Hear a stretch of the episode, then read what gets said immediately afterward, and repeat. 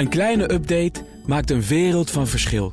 Daarom biedt IKEA voor Business Netwerk gratis snelle interieurtips en ideeën. Word gratis lid en laat je werkplek voor je werken. IKEA, een wereld aan ideeën. Dank voor Boardroom Panel.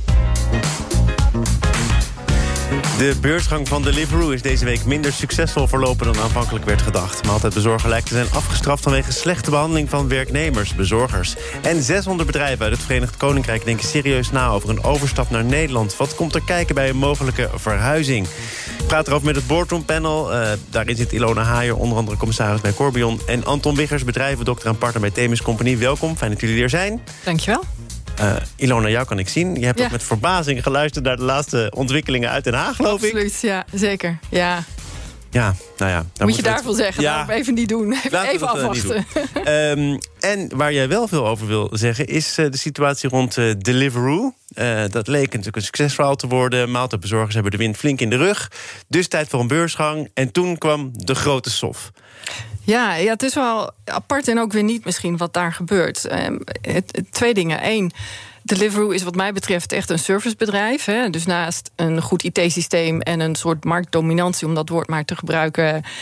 Uh, moeten ze het vooral hebben van mensen. Dat zijn hun assets. En als er gerommelen is met je assets, of dat nou kosten zijn, of contract, of beschikbaarheid of kwaliteit, ja, dan heeft dat natuurlijk impact op je waardering. En dan is het wel de vraag of de underwriters van deze beursgang uh, genoeg gevoel hebben gehad bij de markt en bij dat gerommel, om het maar zo te zeggen, over je, je voornaamste assets om die waardering goed in te schatten. En om, die maatschap, om ook dat maatschappelijke gevoel goed in te schatten.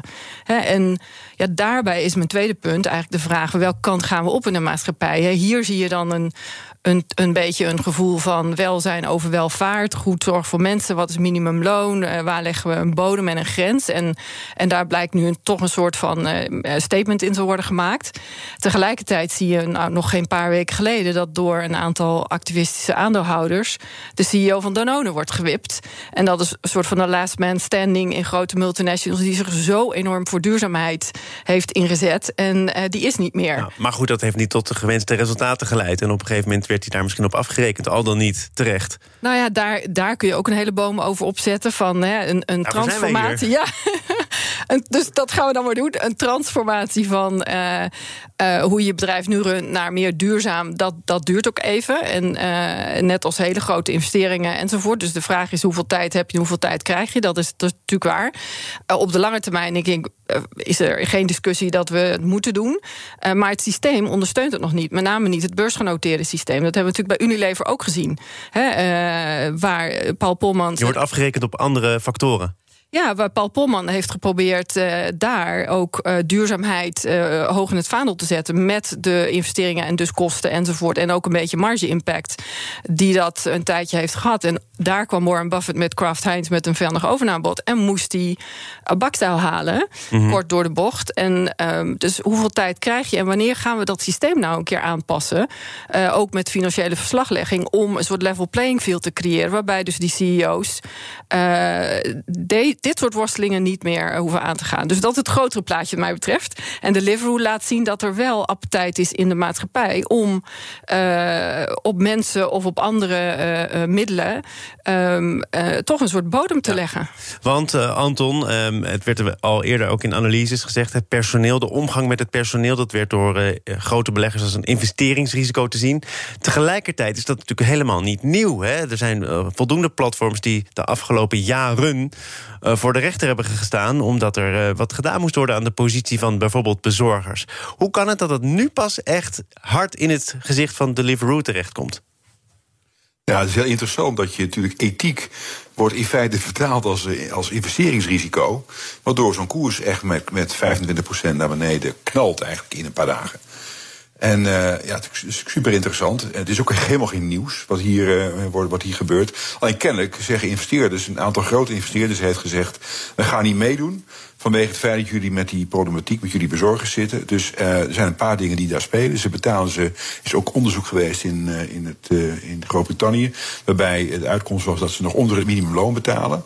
Ja, en ik zie zeg maar zo'n Deliveroo als een, als, een, als een organisatie, een serviceorganisatie, die een contactmoment met een klant heeft en dat moet vertalen in een volgende opdracht. En wat doen ze? Ze, ze betalen te weinig. En ja, dan krijg je ook zeg maar, ah, de mensen die je verdient. Terwijl je in feite in de, de, de core is volgens mij dat je een, een, een leverancier eh, ziet als een, een, iemand die bezorgt voor jou, is, een, is geen kostenpost, dat is een productiemiddel. Dat is eigenlijk het fundamentele probleem, vind ik. Ik vind het wel mooi dat de ethiek in feite nu wordt meegenomen in zo'n beursgang. Ze hebben overigens nog geprobeerd om daar iets aan te doen. Hè? Ik geloof dat ze een paar weken terugkwamen met een initiatief, een speciaal project om ervoor te zorgen dat alle bezorgers en zelfs de klanten, trouwe klanten, zouden kunnen profiteren van die beursgang. Maar uh, too little, ja. too late, kennelijk, Anton. 16 miljoen in een fonds. Ja. Nou, dan moet je heel erg blijven. Het is een eenmalig iets. Hè, maar het gaat natuurlijk om dat je, dat je gewoon eens anders gaat nadenken over die business. En eigenlijk haalt iemand 50 miljoen of 50 miljard op. En het probleem speelt zich af op de, bij de deur van zijn klant. Omdat iemand te weinig geld krijgt. CQ wordt gezien als ZZP'er in plaats van als werknemer. Um, ja, dat is, uh, dat is best wel een, een, probleem. Komt er nog een moment, Ilona, dat als je ziet dat het sentiment aan het kantelen is... dat je, ook al ben je goed op weg toch moet beslissen... ja, we zien er even vanaf. Die beursgang op dit moment, dat wordt geen, geen succes. Dat kan. Um, ik weet niet of de Deliveroo uh, daarover heeft nagedacht. Want dit speelt natuurlijk al langer. Dus dat hadden ze al veel eerder kunnen doen. Dan hadden ze op de rem kunnen trappen en het niet kunnen doen. Maar ik denk dat daar dus ook weer die underwriters in deze deal een rol hebben gespeeld. Uh, want anders hadden ze die waardering niet op die manier ook afgegeven. Dus ergens hebben ze dat gevoel bij die, bij die markt of bij die ethiek of bij die maatschappij. dan wel bij andere grote investeringsfondsen niet goed gehad. Het is een blinde vlek geweest. Ja, dat denk ik wel. Of zo voelt het wel. Maar kennelijk omdat ze er lang mee hebben kunnen wegkomen.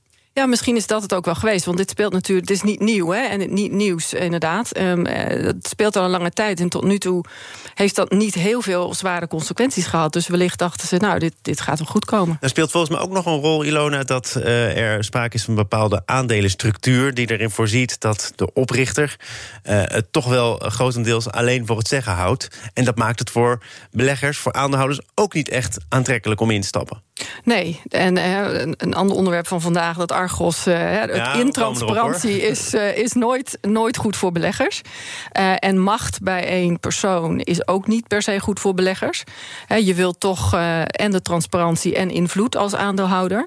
Um, maar ook dat wist je van tevoren en dat had je mee kunnen nemen in de waardering. Dus in die zin ook niets nieuws. Snap jij wel, Anton, dat uh, beleggers uh, wat huiverig zijn... omdat er op deze manier toch nog wel veel op het bordje komt te liggen... en bewust is komt te liggen van een mogelijk zwak bestuur? Jazeker, ik, dat begrijp ik wel. Kijk, wat, wat, ik de, wat je voorhoorde, die oprichter van Deliveroo is meneer Will Shoe. En die staat bekend als een soort, uh, ja, uh, iemand die zijn, zijn eigen woord doordrukt. En weinig ruimte biedt voor discussie. En hij houdt bovendien nog de helft van de aandelen in portfolio. Dus hij heeft nog steeds voor het zeggen binnen de organisatie. Aan de andere kant, je ziet ook, uh, als je zeg maar wat verder kijkt op beurzen, Amazon. Dat geldt natuurlijk ook, een, die hebben al een heel langjarig probleem met de werknemers. Hè. Die gaan nu zelfs ook een, een vakbond oprichten. Hè. En, da en daar wordt niet afgestraft op dit moment. Dus er wordt wel enigszins geshopt, zou je kunnen zeggen, bij een beursgang. Wordt er naar gekeken en is het echt onderschat. Terwijl er voldoende bedrijven zijn waar het in speelt en waar je het eigenlijk niet terugziet. Dus ik hoop oprecht dat, het, dat de ethiek wat meer een rol gaat spelen. Maar er wordt wel een beetje selectief geshopt. Dat is wat ik zie. We gaan uh, naar Britse bedrijven die in Nederland gaan shoppen.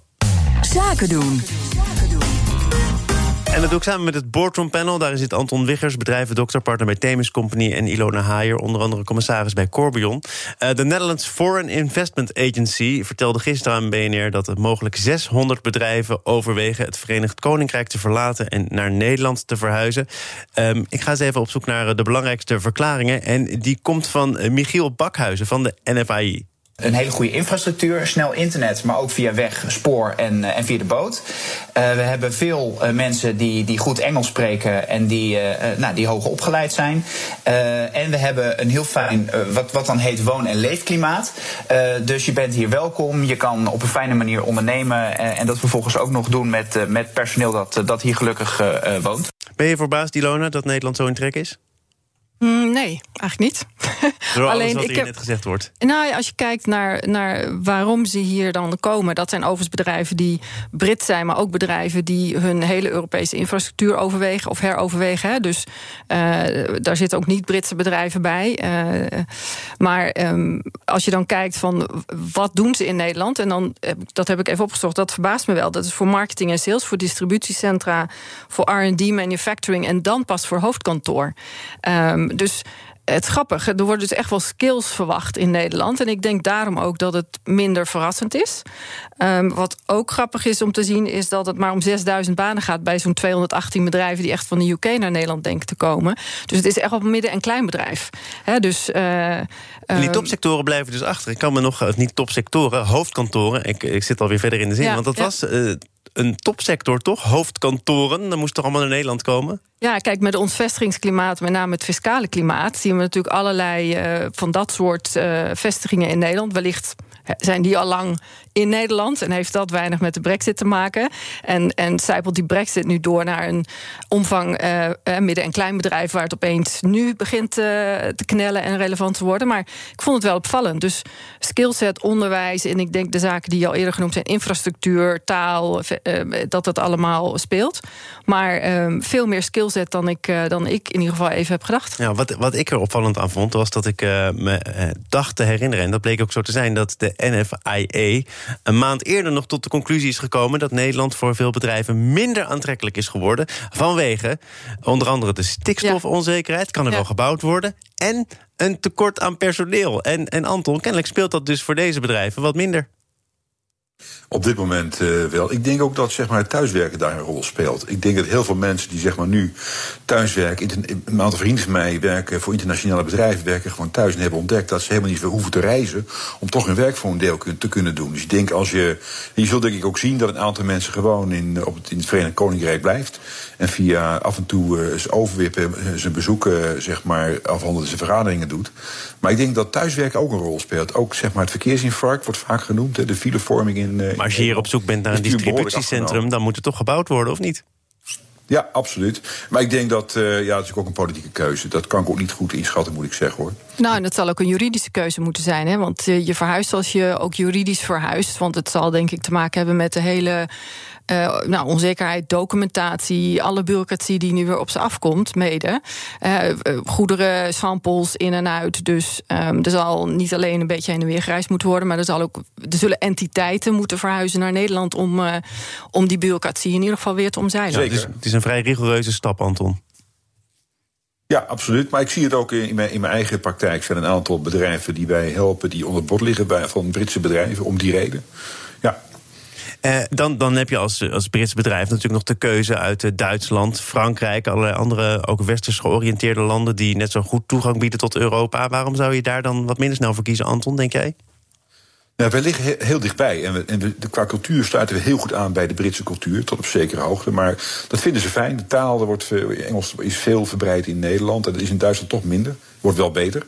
Dus het zijn toch belangrijke rollen die uh, meespelen. Schiphol is natuurlijk uh, belangrijk, je bent er zo. Dus dat is, dat is voor uh, de keuzevraagstukken die voorliggen heel belangrijk op dit moment. Nou, we doen nu net alsof het een flinke Brexit buiten is. Maar volgens mij is niet echt een spannende rekensom. Hè? Brexit blijft ontzettend schadelijk ja. voor Nederland. Met name operatie wat, uh, wat hier naartoe komt. Ja. Laten we het, uh, want daar hebben we wel wat tijd voor nodig... ook nog hebben over het uh, New Yorkse investeringsfonds Arcus Capital... verkocht vorige week plots voor 10 miljard dollar aan tech-aandelen... veroorzaakte toch een licht sneeuwbaleffect. Een aantal grote zakenbanken was erbij betrokken. Um, wie van jullie durft het aan om dit even kort samen te vatten... en ook, ja, ook aan de hand van de, de, de initiatiefnemer, de topman van dit fonds... want dat is ook iemand met een, met een bedenkelijk verleden, Ilona... Um, ik wil een poging wagen. Um, Argos, uh, en anders vul alsjeblieft aan. Uh, Argos is um, eigenlijk een, een familie-office. Uh, dat, dat vind ik ook nog een interessante angle. Die slaan we even over. Maar ze hebben zeg maar 10 miljard kapitaal. En door leverage hebben ze iets van 100 miljard investeringen in zo'n negen fondsen. En blijkbaar zijn een aantal van die investeringen niet zo goed gegaan. Waardoor banken hebben geëist geld terug. Zeg maar cash terug om hun leningen, he, die leverage, zeker te stellen. Dat cash was blijkbaar, dat noem je margin call. Uh, die cash was blijkbaar niet dusdanig voorhanden bij Argos. Dus die begonnen pakketten aandelen te dumpen, om maar zeggen, om te verkopen. Dat heeft getriggerd dat dan aandelenkoersen kelderen en dat daar veel meer problemen achter vandaan kwamen weer. Um, en, en, en daar, dat heeft ons gebracht tot waar we nu zijn. Nou, ik vind het een hele adequate samenvatting. Nou. Overigens, eh, die family office, jij doet alsof dat een detail is... maar volgens mij zorgt dat ervoor dat zij zich niet hebben hoeven aan te melden... bij beurswaakhonden, dat ze een beetje onder de radar hebben kunnen opereren. Precies, over intransparantie gesproken. En, en ook hier is een eigenaar in het, in het spel. En net als wellicht uh, bij Deliveroo, dat wil ik niet per se vergelijken... maar toch, die daar wel een eigen uh, uh, lijn heeft getrokken... en dus niet bij de SEC zich heeft aangemeld. Hè, dus de, de beurswaakhond van Amerika, zeg maar. En dus under the radar screen is gebleven lange tijd. Ja, en dit is een man die veroordeeld is vanwege fraude, geloof ik. Hè? Dus die heeft echt wel een verleden dat er uh, misschien toe leidt... dat hij wat extra in de gaten gehouden moet worden. Ja, dat, dat kun je zo argumenteren. Dus dan, en, en waarom zou het een family office zijn? Want het acteert als een hedge fund. Het is ook echt groot. Zeker met de leverage die erin zit. Dus ja, dat, het, het voelt niet helemaal uh, fijn, zeg maar. Dit is uh, wat er is gebeurd, Anton. Hoe heeft het kunnen gebeuren, denk jij? Nou ja, ze, ze, deden zaken met een aantal, vijftal grote partijen... die dat zeg, zeg van elkaar ook niet wisten. Dus allerlei posities ingenomen. En uh, er werden gewoon grote sommen geld verdiend. Onder andere door uh, twee banken, Credit Suisse en uh, Nomura, dat is een Japanse bank.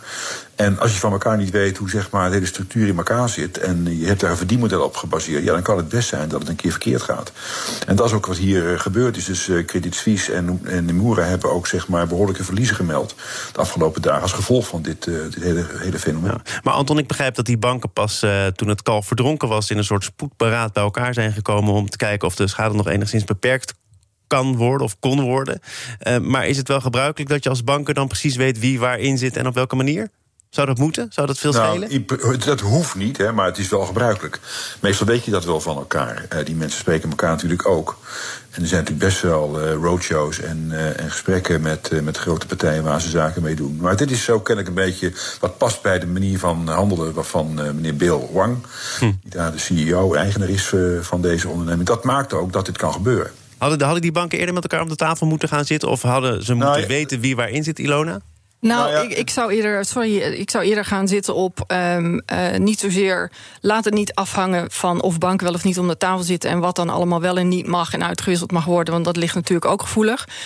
Zeg dan, waarom heeft het niet die beurswaakhond gehad? Hè? Want dan moet je voldoen aan bepaalde transparantie... een bepaalde structuur, een bepaalde rapportage. En, en dan was een en ander natuurlijk veel duidelijker geweest. Want dan had je het in die rapportage kunnen zien. Hoeveel beleggingen, hoeveel partijen... misschien niet altijd welke partij, maar wel geval hoeveel. Omdat dit en, dus ten onrechte is gelabeld als zo'n family office. Precies. En dat staat de boek als hartstikke saai. Die beheren een beetje familiekapitaal, Precies. behoorlijk familiekapitaal... maar er Ja. gebeurt eigenlijk nooit wat. Nou, zoiets. En dan ga ik wel mee met, met uh, dit dit valt bijna te herleiden naar hoe deze eigenaar, hoe deze man uh, acteert. Uh, ja. Anton? Nou, de, deze meneer had zich zeg maar, als familieoffice vrijwillig tussen haakjes moeten melden bij de SEC. Dat heeft hij niet gedaan, dat willen ze weten. En daardoor is hij onder de radar gebleven en kan dit gebeuren. Maar op het moment dat het SEC dit constateert, dan is het al gebeurd en ben je dus te laat. He, dus dat maakt dat dit kan. Dus SEC controleert het verhaal achteraf. En uh, dan ben je eigenlijk altijd te laat. Het is gewoon puur dat er ruimte is en mogelijkheden zijn om de bestaande regelgeving, om daar zeg maar iets mee te doen of een beetje aan je laars te lappen, al dan niet. En dan, dan kan dit soort dingen gebeuren. En dat zie je bij alle grote uh, fraudezaken die we hebben gehad de afgelopen maanden. Ja, had je het kunnen zien, achteraf misschien wel. Uh, maar het zou vandaag nog steeds kunnen gebeuren, ja. blijf ik nou, toch zeggen. Het is wel goed dat jij zegt dat er de afgelopen maanden wel meer fraudezaken hebben gespeeld. En sterker nog, er speelt natuurlijk altijd al fraude. Maar Ilona, wanneer is iets een ja. incident en wanneer staat het voor iets meer, voor iets groters, voor iets wat echt fundamenteel verkeerd is geregeld? Ja, dan zul je naar een patroon op zoek moeten gaan. Hè? En um, Wirecard is natuurlijk uh, ook weer, dat is een ander voorbeeld, maar dat was een grote in Duitsland recentelijk. Um, dan zul je naar patronen moeten gaan. Dus ik kan me ook voorstellen dat dit triggert dat ze een, rondje langs de zogenaamde family offices gaan maken. Of uh, hè, hoe groot zijn bepaalde fondsen, al dan niet uh, acterend als hedge fondsen die niet onder de SEC gemeld zijn, wat ze dan wellicht nog vrijwillig hadden moeten doen. Maar ik kan me voorstellen dat er al dan niet achter de schermen nu wel een rondje wordt gemaakt om te kijken waar nog meer risico ligt. Dit rondje is uh, ten einde. Dank voor jullie komst. Ilona Haier, onder andere commissaris bij Corbion... en Anton Wiggers, bedrijvendokter, partner bij Themis Company. Zometeen het laatste half uur van BNR Zaken doen. Iedere zondag van 9 tot 11 brengen wij het beste uit het buitenland in BNR Buitenlandse Zaken. To all those who did not support us, let me say this. Hear me out as we move forward. Podcasts over de grote wereldmachten. BNR De Wereld en natuurlijk Boekenstein en de Wijk. Daarmee beledig je gewoon de intelligentie van de normale burger. BNR Buitenlandse Zaken. Iedere zondagochtend vanaf 9 uur op BNR. Als ondernemer hoef je niet te besparen op je werkplek. Want IKEA voor Business Netwerk biedt korting op verschillende IKEA-producten.